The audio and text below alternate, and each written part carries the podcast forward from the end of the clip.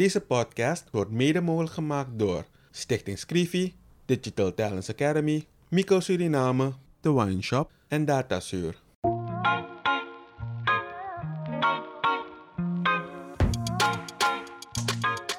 In een ontspannen sfeer praten journalist Kevin Hadley en challenger Vincent Kenswell met verschillende personen over de uitdagingen en de kansen van hun werkgebied. Samen proberen ze door oplossingsmodellen te bespreken positieve ontwikkelingen op gang te brengen.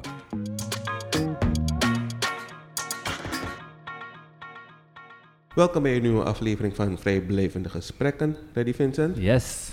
En vandaag hebben we op bezoek chef-kok Patrick Hoei.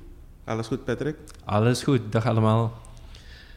De eerste vraag die we de gast meestal stellen is, uh, wie is de gast? Ik heb je al aangekondigd als chef-kok. Maar wie is Patrick Hoei? Patrick Hoei is een lekkere bek. Oké. ik, ik, hou van lekker eten. Ik kom uit een familie met uh, heel veel oma's die heel veel hebben gekookt. En uh, als kleine jongen dan uh, kijk je hoe dat allemaal gaat. En waarschijnlijk heeft dat een hele diepe stempel gedrukt op mij. Maar hoe ben ik eigenlijk in het vak gerold? Dat is eigenlijk um, een grapje geweest. Um, heel vroeger had Torarica op de vrijdag een barbecueavond. En, um, Soms hebben ze het nu nog. Oh, ze hebben het nog, oké. Okay. Ja. Eh, en um, ik was, uh, oh, was, ik was 12 en het was uh, schoolvakantie en we zaten aan de tafel op de beroemde barbecueavond. En de directeur, dat was meneer Frank Robles. En Frank die liep langs en mijn vader die kent meneer Robles. Dus hij zei, hé hey Frank, wacht, wacht, wacht. Het is vakantie. Heb, heb, je niet iets om uh, Patrick bezig te houden? Dus Frank zegt, ja, stuur maar, stuur maar. Dus de volgende ochtend uh, was ik bij Torarica en Frank die dacht van, wat ga ik met deze doen? Dus hij zegt van, weet je wat? Ik stop hem in de keuken. Ik stop hem in de patisserieafdeling. En die jongens in de patisserieafdeling, die kijken zo'n kleine jongen, 12 jaar, wat doet hij in de keuken? Weet je wat? We gaan hem strafwerk geven. En binnen een week is hij weg. dus wat voor strafwerk konden ze bedenken in de keuken? Nou, dozen vouwen voor die cake. You know, uh, die uh, vleesbroodjes en die, en die uh, beroemde roomhorens show voor ons van de bakkerij naar de pastry shop. Vroeger was de pastry shop aan de voorkant. En um, als je terugkomt, hier heb je hele rek met eieren begint te breken. het was niet één rek hoor, het waren stapels van eieren. en, en breken is makkelijk, maar het was niet breken, het was breken en scheiden. Dus eiwit oh, okay. en eidooier apart, want Torarica maakte heel veel um, eistaarten. En dan heb je die meringue, en meringue wordt gemaakt van eiwit. En die eiwit moet hier heel zuiver zijn, heel puur. Dus als je een foutje maakt, nou, dan mag je opnieuw beginnen. Uh, dus je moest het heel secuur, heel uh, voorzichtig doen. Maar goed, uh, dat waren ongeveer de, de, jobs die ik kreeg. Maar um, er was één job die ik heel erg leuk vond. En dat was um, het volgende. Je weet, als je thuis bent en je moeder maakt een ixikuku. Kijk het recept van ixikuku? Ja. Het recept ken ik niet, maar ik weet wel hoe het te maken. Oké, okay, het is dus tien eieren, kloppen en, ja. en tien lepels suiker erbij. En kloppen tot het, tot het schuimt en ja. alle suiker is uh, uh, gesmolten. Dan komt je tien lepels uh, gezeefde blom erbij, een beetje boter in de pan. Ja, ja toch? Klopt. En die pan gaat in de oven. Ja. Maar wat blijft over in die bowl? Ja, ja, ja. Hoe, hoe, hoe heet dat? Ik weet niet, maar dat, dat is lekker. Het heet Likkerpot. Ja. ja. De officiële naam is Likkerpot. Oké. Okay. En, en, en thuis bij mij was het altijd een gevecht tussen mijn, mijn, zus, mijn zusje en ik. Van, hé, hey, wacht eens even. Nou, vorige keer heb jij die Likkerpot gehad. Deze is van mij, hoor. Oké. Okay. Stel je nu voor, ik ben 12 jaar en ik ben in de keuken van Torarica. Weet je hoe groot die Likkerpot was? Boei, met mijn hele hand ging ik erin. Dat was die motivatie? Dat was mijn motivatie. Torarica heeft me nooit geld betaald, maar die Likkerpot was heel mooi goed. van mij. wow. Maar goed, zo ging ik dus door. Dus elke vakantie ging ik terug. En er was nog een heel grappig ding, dat, uh, voordat we uh, gaan naar een iets, iets oudere periode. Uh, mijn moeder die knipte altijd mijn haar. En ze knipte een of ander stijl en het leek op een bob. Dus ja, als 12-jarige loop je rond in de keuken en ik kan me nog herinneren, een dame kwam naar me toe, ze was van de coffeeshop. En ze keek, oh Oh, schatje, wat ben je? Ben je een jongetje of ben je een meisje? en ik keek die vrouw aan en ze was vele malen groter dan mij. En ik keek eraan. Ik dacht van, hoe ga ik deze vrouw nou beantwoorden? Ik dacht, wacht, wacht, wacht. Moet ik mijn broek voor je zakken? Alongwe. Alongwe direct. Alongwe. Dus iedere keer als ik het zie, dan begint ze te lachen. maar goed, dat was die leuke tijd. Nou, dus in de vakantie ging ik terug en zo ben ik van station naar station geweest, van de bakkerij naar uh, uh, coffeeshop, naar uh, um, roomservice. Maar het station dat ik het leukst vond was achter de grill. Want je moet je voorstellen, die grill is heel erg groot en het is heel erg heet. En uh, er zit een heleboel erop. Er zitten satés erop, er zit vis erop, er zit vlees erop. En dat vlees nog eens op je moet, deze moet rare zijn, die moet medium zijn, okay. die moet wel dan zijn. Dus je moet heel erg weten. opletten wat er gebeurt. En als je een foutje maakt, dan heb je een groot probleem. Nou, als je onder druk staat, wat gebeurt er dan met je? Je kan twee dingen doen. Of je klapt in. Je zegt, no, als dan is stress me, libasani mogoi. Of je zegt van, no, ik ga het beste doen. Iets, iets, iets, iets. Ik voel iets in mijn bloed. Er is adrenaline in mijn bloed. Je wordt helemaal high van de ding. Ja man, ik wil meer van de ding. En toen dacht ik van, weet je wat, ik hou van deze job. Die pressure, dat vind ik leuk. De uh, precisie dat erbij komt. En uh, ja, ik ben er lekker back. Ik hou van uh, cultuur, ik hou van reizen, ik hou van om mensen te zien. Dus uh, het is een job die me over de hele wereld heeft gebracht. Wow.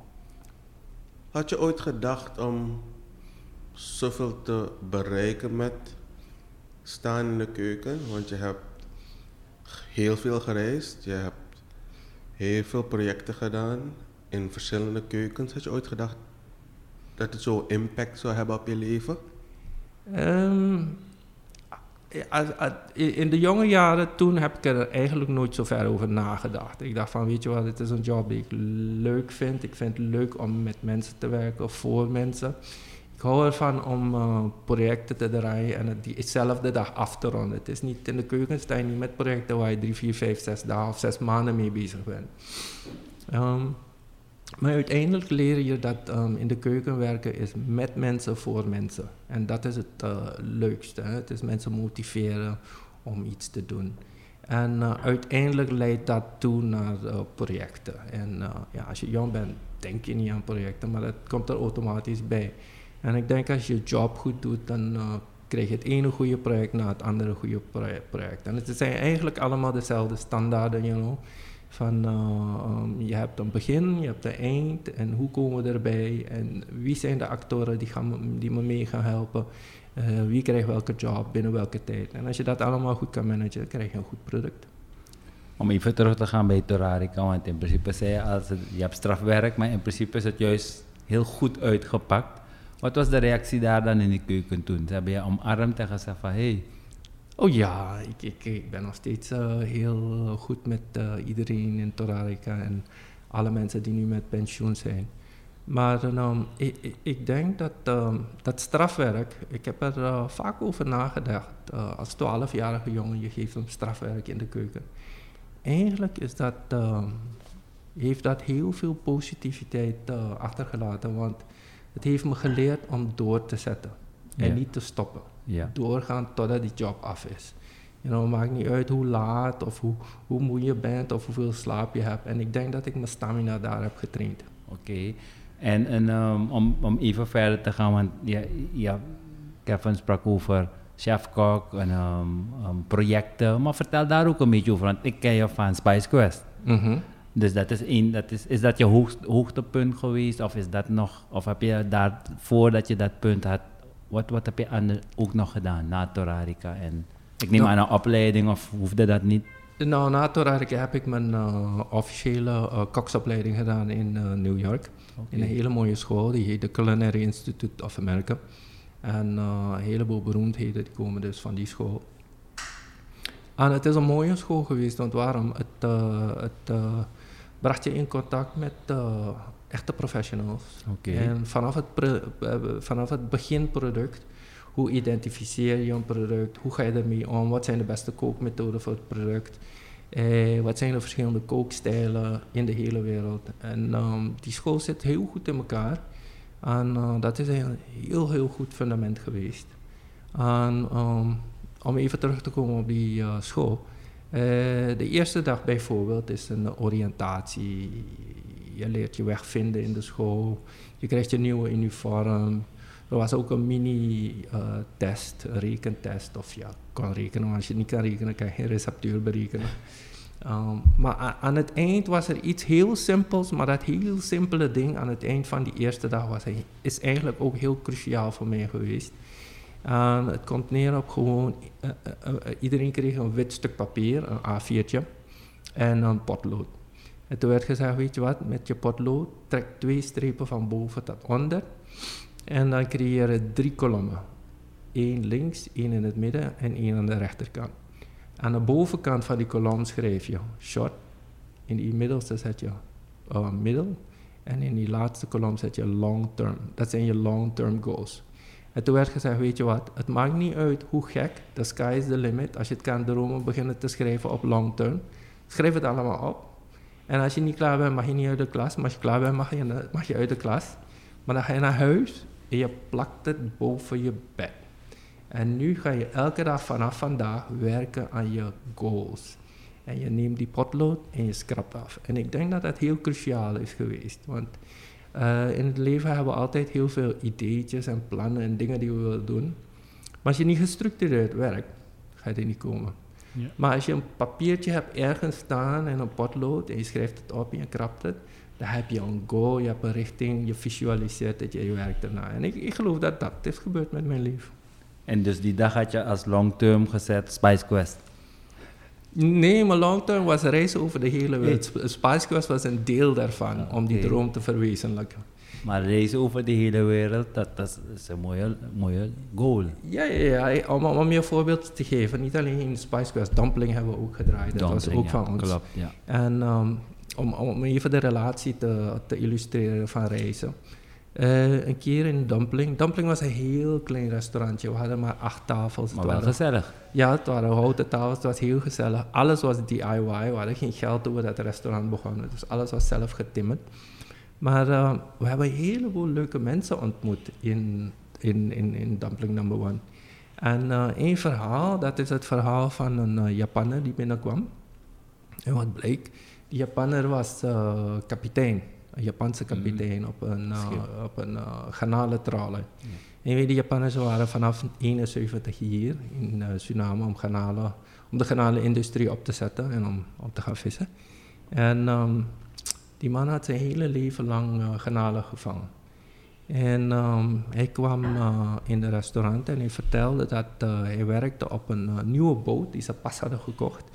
En de normale garnalen die we zien in de winkel hier, Um, die noemen ze de pink spot, omdat die garnaal een rode stip heeft aan de zijkant van zijn body. Dat is de Japanse vlag, het is een witte vlag met een rode stip. En de pink spot wordt gevangen op uh, diepte van 100 meter. Maar die kapitein die was nu op een boot, een nieuwe boot, en die boot ging op 1 kilometer diepte. En op 1 kilometer diepte vang je een andere kanaal, die heet de Scarlet. Die is echt vuurrood. En het was een hele bijzondere boot. Um, als die werd gevangen, was het binnen 20 minuten gesorteerd in een doos en verpakt. En als die boot aan wal komt, zien wij in Suriname die garnalen niet eens. Het wordt direct geëxporteerd. Het gaat naar Japan, naar Barcelona, waar ze een mooie paella maken. En dat is rijst, gele rijst, met dan die uh, rode garnalen erop. Nou, die kapitein is een vriend geworden van me.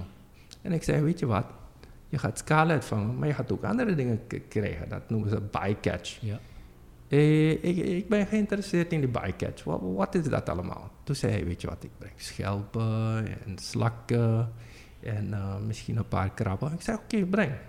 Dus de eerste keer kwam hij met één zak kingkrab. En ik zei, wauw, dit is geweldig breng alles dat je, De volgende keer kwam hij met 30 zakken kingkrab. Oh. En we hadden maar een kleine restaurant en twee vriezers. Waar ga je 30 krabben? maar, maar dat is het begin geweest van de, de kingkrab in Suriname. Wij hebben bij Dumpling uh, kingkrab eigenlijk geïntroduceerd. Ook verkocht aan andere restaurants, zodat zij het ook konden verkopen. Ja, ja. En dat is, dat is dan één product die we daar hebben ontwikkeld. Maar om terug te komen op het verhaal, die man is mijn vriend geworden, weet je nog? Ja, ja, ja. Nou, een keertje kwam ze vooruit uit Japan terug en zei van, luister, ik heb zoveel jaar op je gewacht. Als je nog één voet zet op een boot, hoef je nooit meer naar huis te komen. Dus hij is toen met pensioen gegaan, is teruggegaan naar Japan. En twee jaar later zijn we hem gaan opzoeken, helemaal in Japan. Ja. En um, hij woont best ver. Van Tokio moet je dus eerst de sneltrein nemen naar het noorden. En toen zijn we ons komen ophalen met de auto. Nog eens een keer twee uur rijden door al die bergen heen. En toen kwamen we aan de kust bij een hele mooie baai. En in die baai hadden ze een heleboel boten. En we stapten in een van die boten. En zo kregen we een tour van de baai en wat er allemaal daar werd geproduceerd. Uh, mosselen, oesters, zeewier. Het was allemaal familie van hem. En al die boten waren allemaal familie, dus geen van die boten was op slot. Alle sleutels waren erin. Zo veilig was het en zo mooi was het. Maar toen liet hij ons heel, iets heel merkwaardigs zien. En hij zei van, um, dit dorp is in 1961 een keer door een tsunami uh, weggewist. Um, er was een tsunami met als oorsprong, ik geloof, een uh, aardbeving in Peru. En de golven daarvan, die waren helemaal in Japan merkbaar. Dus hij, hij liet ons zien van, oké, origineel was het dorp hier en nu hebben we het een beetje hoger op verhuisd. Het origineel huis stond hier, dat is er niet meer, dus nu wonen we daar. En um, wat ze hadden gedaan is, ze hadden die hele kust verstevigd met uh, bomen, dennenbomen, zodat als er een vloedgolf kwam, dat die dennenbomen dat zouden dempen. En achter die dennenbomen hadden ze een dam gebouwd. En bij die baai hadden ze een, een, een soort deur gemaakt, een sluis die dicht kon. Dus als er golf kwam, kon die deur dicht. En dat hebben we allemaal gezien. En twee jaar later had je die hele grote tsunami in Japan, waar die beroemde video, videobeelden ja. van zijn. Ja. Nou, dat is het dorp die wij hebben gezocht. Wow. Op die bewuste dag was die deur, waren ze bezig die deur te oh, repareren. Die deur is nooit dicht gegaan. En al was het dichtgegaan, die golven waren hoger dan die dam, het was hoger dan die deur. Dus het had toch niet gescheeld. Uh, maar mijn vriend, kapitein, kapitein Osaka, hij was uh, op die bewuste dag op zee. En um, hij, uh, hij, voelde aan dat de golven een beetje vreemd waren. Dus hij heeft toen zijn bootje volle, volle vaart teruggevaard naar de kust. Is in de auto gesprongen, heeft zijn schoondochter opgehaald, die werkte bij het postkantoor. En toen zijn ze de berg opgereden. Dus die familie heeft het overleefd. Maar volgens mij 60.000 mensen zijn op die dag uh, weggewassen. Dat is heel erg. Dus uh, ja, dat is de relatie tussen een kok en een restaurant en vrienden en, maken en over de hele wereld je, je kennis en je familie hebben. Maar het is grappig dat je dit zo zegt, want wij in Suriname zie je dan het nieuws en dan denk je, oh het is ver van mijn bed, maar en toch is het heel dichtbij. Ja, toch? Want ik bedoel, jij bent van hier en we kennen je allemaal en ja je hebt toch een vrij nauwe relatie met zo'n. Ja. Je toch, dus, en, um, maar het is leuk, want uh, het begon allemaal met dat strafwerk en kijk waar je ja. terecht bent gekomen. Ja. Strafwerk. Nee, wat grappig is, het is, kijk, ontwikkeling en dat, daarom doen we dit soort dingen, om, om zichtbaar te maken wat is, um, maar dus net ook in het voorgesprek over ontwikkeling, toch? Hoe kijken we ernaar? Wij als mensen zijn hier op aarde, we komen ergens terecht. En toch zijn we sterk verbonden mm als we met elkaar of als we voor onszelf als individu naar iets positiefs kijken. Want jij, je staat daar, waarschijnlijk je vader heeft voor je bepaald van, hé, hey, is er iets, misschien wilde je niet eens vakantiejob, maar je dacht van, oké, ik doe het.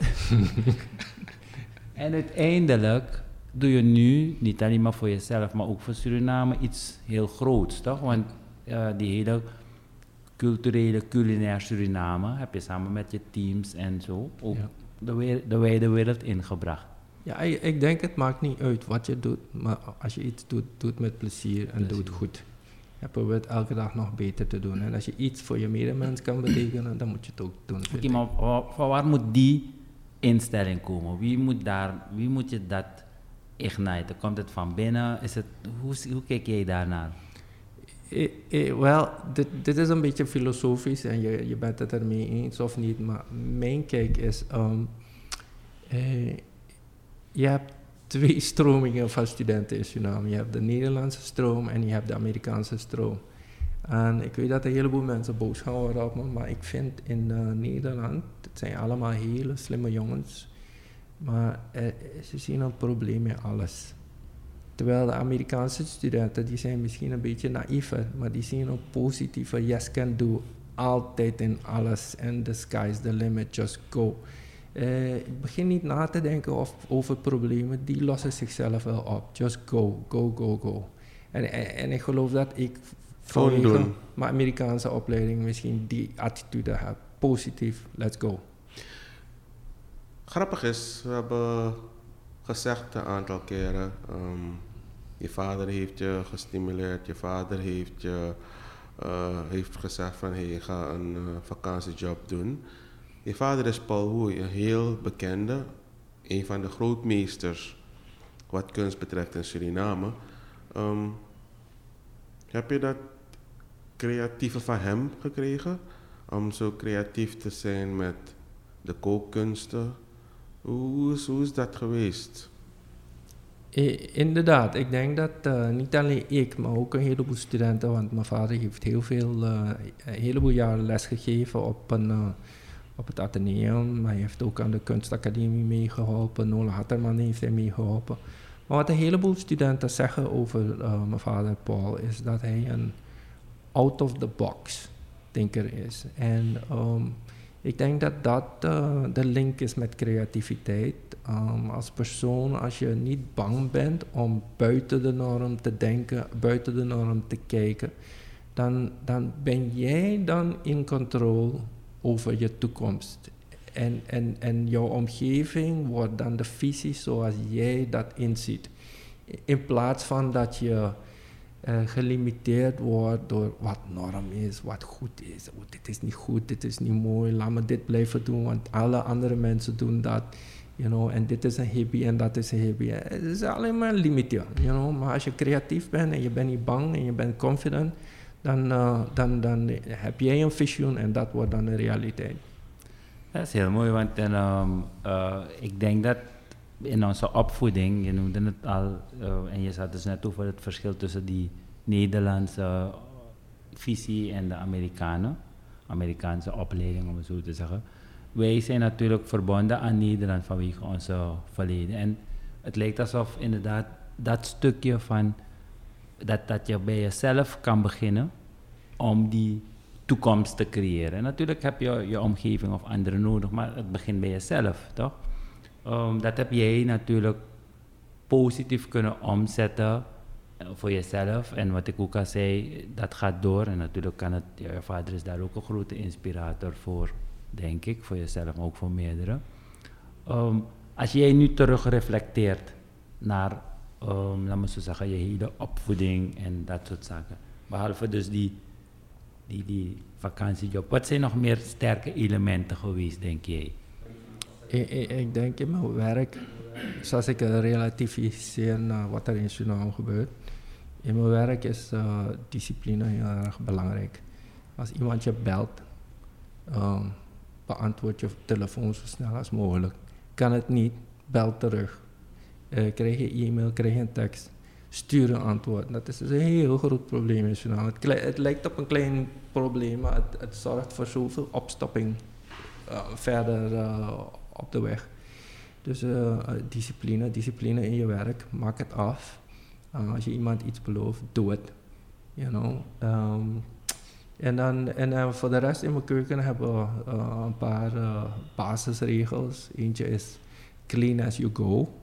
Weet je, het, het, gaat niet altijd druk zijn in je restaurant, maar de dagen dat het minder druk is, gebruik die periode om, om, om alles schoon te maken. You know? En dan zeggen we ook, if you have time to lean, you have time to clean. Clean, exactly. En uh, wat ik ook verder gebruik in, uh, in mijn achterhoofd is een systeem dat Toyota had ontworpen. Je weet, Toyota is een van de grootste autoproducenten. Uh, en dat kunnen ze alleen omdat ze goede systemen hebben. En een van die systemen is Toyota 6S, heet het volgens mij. Ja, en het heeft te maken met um, hou je omgeving schoon. Hou alleen de dingen die je nodig hebt zet alles op dezelfde plaats. Dus als je, als je, als je, mes aan de linkerkant zet en je lepel aan de, aan, aan de rechterkant, hou het zo. Dan hoef je niet elke dag terug te komen van, hé, Oh, waar heb ik mijn mes gezet? Waar heb ik mijn liep gezet? Je verliest zoveel tijd. Dus met andere woorden, um, keep it simple, hou het schoon, you know, en, en, en, en, en zo creëer je een positieve werkomgeving. Je, je komt gewoon leuk aan het werk, lekker aan het werk, plezierig aan het werk, you know, en, en, en dan uh, komt het wel goed. Je bent in Suriname geboren en getogen. Je hebt, eh, want, eh, en natuurlijk kan men zeggen, want als je praat over discipline, ook gewoon, ik denk de culturele achtergrond, weet je, dat Aziaten en Chinezen vooral zijn erg gedisciplineerd. Dat is mijn mening hoor, ik, Mhm. ik zie dat gewoon. Mhm. Heeft dat ook een grote invloed gehad op jouw, jouw, jouw, laat maar zeggen, jouw opvoeding en jouw leven in vergelijking met anderen? Heb je dat kunnen meten? Of zeg je van, ik heb gewoon een Surinaamse opvoeding en ja, je moet gewoon, wat je zegt, gedisciplineerd zijn. Um, ik, ik, heb inderdaad een Surinaamse opvoeding, maar met een uh, Aziatische invalshoek. En um, ik weet niet of je het weet, maar in, in, in, de geschiedenis, als je terugkijkt naar uh, China, um, ze hebben in China elk jaar te maken met overstromingen of hele grote droogte, droogtes of aardbevingen. Er is altijd iets met de natuur. En uh, ik geloof dat dat uh, in je DNA wordt ingeprent van wat je af kan maken, maak af vandaag. En als je vandaag wat centjes hebt, maak niet alles op, want je weet niet wat er morgen gebeurt. Dus je, je leert een balans creëren in je leven met altijd oog het oog op de morgen, de op de toekomst. Ja. En you know, altijd een beetje een res reserve voor morgen achterlaten. Ik denk dat dat uh, heel belangrijk heel is geweest. Ja. Ik denk dat dat mooi is um, om ook voor ja, onze hele community te kijken. We praten vaak over uh, die, die, verschillen die we hebben. Elke mm. cultuur heeft zijn sterke kanten. Mm. Maar als je um, vooral gaat kijken naar de sterke kanten van, van onze groepen, kunnen we natuurlijk als, als Surinamers, want we voelen ons allemaal Surinamer. Ja, mm. ja toch, als je naar, we, zeggen dat ook, maar ik vind het belangrijk om ook zichtbaar te maken van hey, die, die verschillende culturen hebben sterke punten Mhm. mm -hmm. en dat moeten we gebruiken. Toch? Juist. Um, jij bent veel met Suriname naar het buitenland gegaan, volgens mij met uh, koken toch, culinair. Ja. ja. En heel veel succes geboekt. Mm -hmm. um, kan, heb je kunnen meten wat in de, laat zeggen, van andere culturen of andere landen. Wat, wat, is, wat maakt Suriname zo anders? Of zijn we niet anders? Nou, de competities waar we naartoe gingen, die heette The Taste of the Caribbean. Ja. En daar staat de Suriname uh, samen naast de andere Caribische landen. En um, een van de onderdelen is, je krijgt een mystery box. Ja, je weet niet wat erin zit. En je moet uh, iets presenteren dat op niveau is en verkoopbaar is aan de toerist. Um, je kan het een beetje vergelijken net als uh, een chauffeur. Een chauffeur van een tractor is anders dan een chauffeur van een Formule 1 raceauto. Ja. wat wil ik daarmee zeggen? Kijk, we weten allemaal te koken. Iedereen in Suriname kan koken. Maar competitie koken, dat is aan bepaalde spelregels gebonden tijd, hygiëne, presentatie, kleur, noem maar op. En dat zijn hele specifieke spelregels die een, raceauto-coureur uh, weet. En een, een, een, een, chef die dus getraind is in culinary competition, die kent die spelregels. Dus in het begin was het even wennen, hoe doen we dat? En oh, zo zit het in elkaar. Oh jee, een beetje te veel saus. Is niet erg toch? In Suriname houden we van shoot toch? Begrijp je? Maar, maar, maar na zoveel jaren en mee te hebben gedaan aan de uh, culinary competitions, hebben we nu in Suriname een heleboel jongens die uh, zich wel... Uh, die, die de spelregels nu wel, kennen. wel kennen en weten. En, en, en je ziet het ook in de presentatie. Het is heel mooi geworden nu in Suriname. En we zijn niet meer bang om uh, out of the box uh, te denken. Want in Suriname was het allemaal van wat de boer niet kent, wat de boer niet eet. Ja. Normaal, min ook niet aan zijn sandis. Samaan Ja toch? Klopt. Maar, maar, maar nu hebben we attitude, ook, ook met uh, moderne uh, communicatietechnieken, TikTok enzovoort. De moderne ja. jeugd die, die, die wil zien, ze willen proberen, ze willen nieuwe dingen proberen. In plaats van dat, you know, oud bekende dat steeds weer terugkomt. Laten we een keertje een beetje uit of the, out of the box gaan. Dus dat is leuk. Dus uh, we zijn flink vooruit gegaan in Suriname. En als je Suriname vergelijkt met de rest van het Caribisch gebied, um, hebben we eigenlijk hier meer mogelijkheden. Uh, vanwege onze diverse culturele achtergrond hebben we veel meer ingrediënten. We zijn meer bekend met smaken die zij niet hebben in het Caribisch gebied. Want op een eiland ben je eigenlijk uh, wel uh, gelimiteerd in, in de ingrediënten. Dus, dus qua ingrediënten hebben we veel meer. Maar nu moeten we dus echt werken aan uh, presentatie en wat is op level, you know. In plaats van aan, aan rijst met bruine bonen op een plastic bord met een plastic label. nu wordt veel natuurlijk van uh, oil en gas gesproken over local content. Mm -hmm. En uh, een van de directe zaken is natuurlijk dat uh, al die schepen en zo daarvoor moeten bevoorraad worden. Dat is gewoon een stukje business. Mm -hmm. Maar wat zie jij voor ons in Suriname en ook in combinatie misschien met Guyana, omdat we toch mm -hmm. waarschijnlijk samen gaan moeten optrekken. Um, voor jouw zeggen, sector, de culinaire sector, um, high-end restaurants, eten, dat soort zaken. Um, twee dingen, hoe zie je dat ontwikkelen en onze human power. Wat moet, hoe kunnen we jongeren gaan inspireren om er op die manier naar te kijken? Uh, om, om, even terug te komen op eerst de ingrediënten, dan zullen we het hebben over de jongelui. Uh, eigenlijk zit de mm, oplossing, uh, is de oplossing van dit probleem niet zo moeilijk. Um, als je de krant van vandaag had gelezen, dan was er één kopstuk overschot aan ananassen. Klopt. De mensen weten niet hoe ze ananassen kwijt moeten. Um, eigenlijk is die oplossing heel erg simpel. Um, als je een keertje in uh, Curaçao langs de kade loopt, s ochtends vroeg, dan komt er een heleboel provisie vanuit, volgens mij Venezuela en Colombia. Klopt. Want op het eiland planten ze niks. Maar als je kijkt naar die verpakking waar die dingen in zitten, het is een verpakking, is een doos die gegeven is door het ministerie van uh, Landbouw. En die doos is een standaard doos en het heet een agrobox.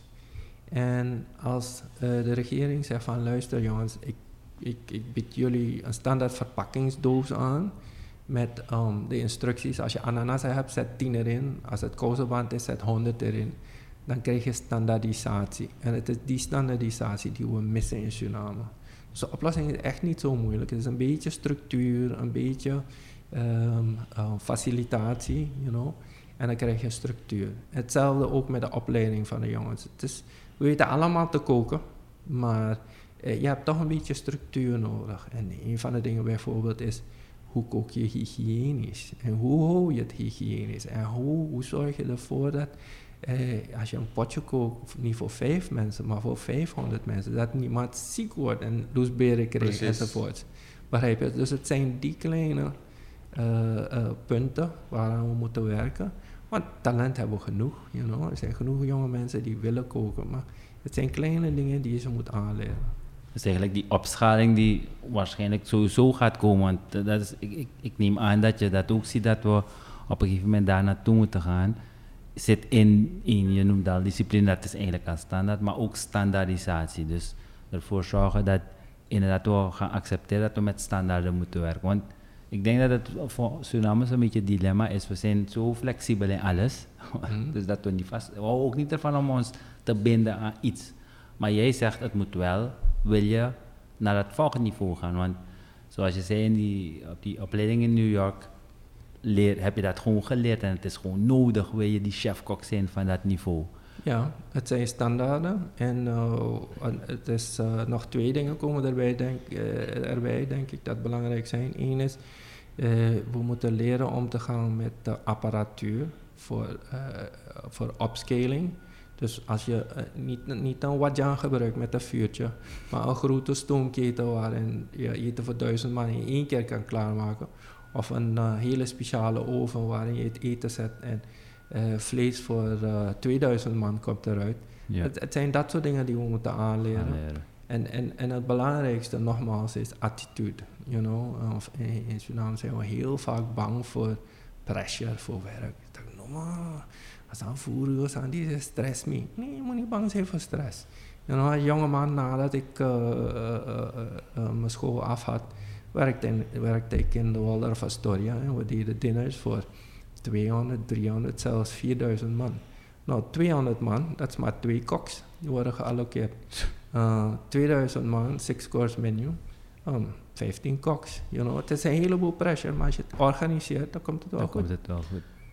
Wat vind je nu interessant aan het koken? Nu, als um, kok met zoveel jaren ervaring, zoveel projecten achter de rug, zoveel dingen die je hebt gedaan. Wat vind je nog steeds interessant aan het koken? Voor, voor, voor mezelf zie ik dat er een heleboel verandert in de kookwereld.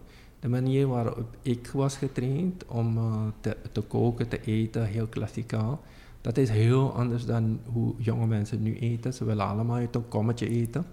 En uh, in plaats van een standaard menu, dat wordt bepaald door een kok, willen jonge mensen op een knopje drukken en ze zeggen ik wil een beetje meer suiker en hier moet een sprinkel van sesamzaadjes komen en in plaats van witte rijst wil ik zwarte rijst hebben. Dus alles moet nu gestandaard, moet uh, customizable zijn. Dat, ja. dat willen jonge mensen hebben.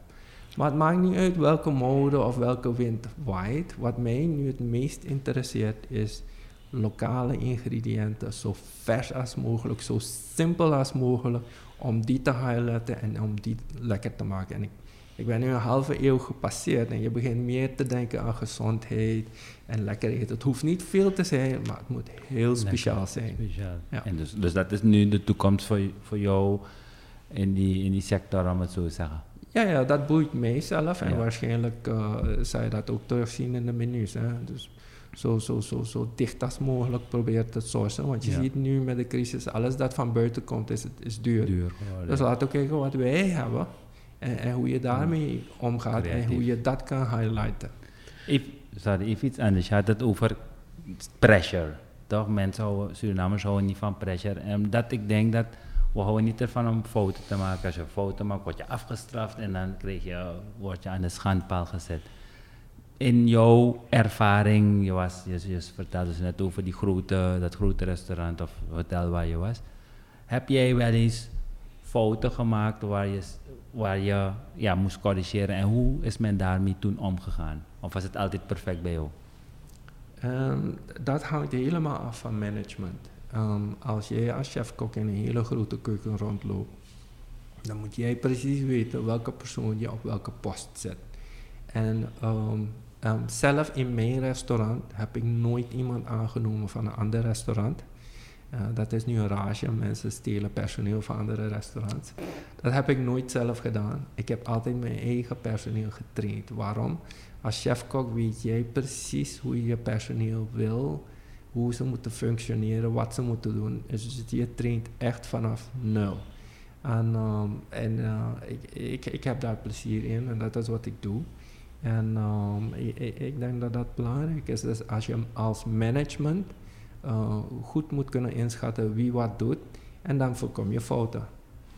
Maar, maar jij persoonlijk, dus uh, laat zeggen, in je, in je, in, laat zeggen, in je jongere jaren als kok, mm -hmm. misschien niet als chef-kok, zijn er dingen gebeurd waarvan je misschien een foutje hebt gemaakt en jouw manager heeft je daarin goed ondersteund? Dus het, ik, ik stel die vraag omdat wat je ook al zei in Suriname, men is bang voor pressure, men is bang om fouten te maken. Mm -hmm. Omdat waarschijnlijk soms een, een, de manager of de persoon die, die, die daar de leiding geeft, mm -hmm. of, of, verkeerd ondersteunt of anders ondersteunt. Snap je wat ik bedoel? Klopt, klopt. Ja, ja, dat kan ik me heel goed indenken. Ik heb ook foto's gemaakt, bijvoorbeeld. Je komt met een hele rek uh, eten en je rent uit de lift.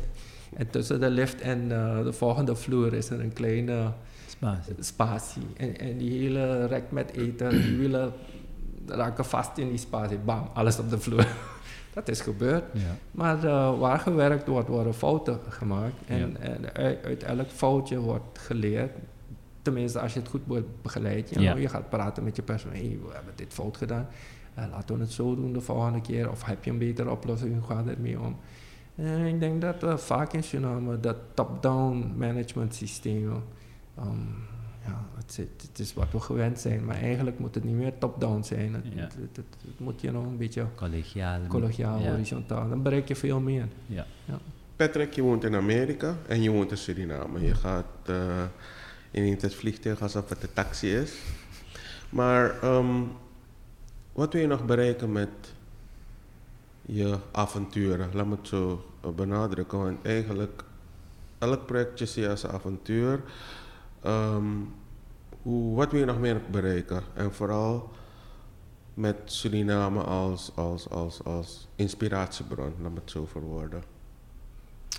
Eh, nogmaals, ik denk, ik denk dat Suriname een, een hele rijke bron heeft aan ingrediënten. En um, een hele mooie toekomst kan betekenen voor een heleboel mensen qua inkomsten, mits het goed gemanaged wordt. Eh, ik, ik denk altijd terug naar um, een land waar ik ben geweest en dat is Singapore. En um, Singapore is precies tien jaartjes ouder dan Suriname. Ze hebben in 1965 uh, de onafhankelijkheid gehad van Maleisië. Maleisië wilde ze niet hebben en heeft ze eruit geschopt. En toen president Lee Kuan Yew die uh, onderhandeling tekende, er zijn video's van, dan zie je die man huilen. En er wordt vaak gevraagd van, maar waarom huilde je? Was dat huilen uit blijdschap of zo? En zegt, nee. Het was huilen omdat ik niet wist wat ik met al die mensen moest doen. Met andere woorden, Singapore was heel erg arm. Ze hadden geen geld, ze hadden geen kapitaal. Uh, ja, als president moet je die mensen allemaal onderhouden. Um, maar hij heeft de moed niet opgegeven en had een hele sterke visie wat hij wilde met Singapore. En hij is mensen ook geen dingen komen beloven die niet waargemaakt konden worden. Hij heeft geroeid met de riemen die, er waren. En dat heeft hij opgebouwd. Hij heeft structuur opgebouwd. En een van de dingen die ik zie bijvoorbeeld, die wij hier heel makkelijk kunnen doen, die, um, dat zou een hele mooie droom kunnen zijn, is um, het volgende. In, in, in Singapore werd er heel veel eten over de straat verkocht.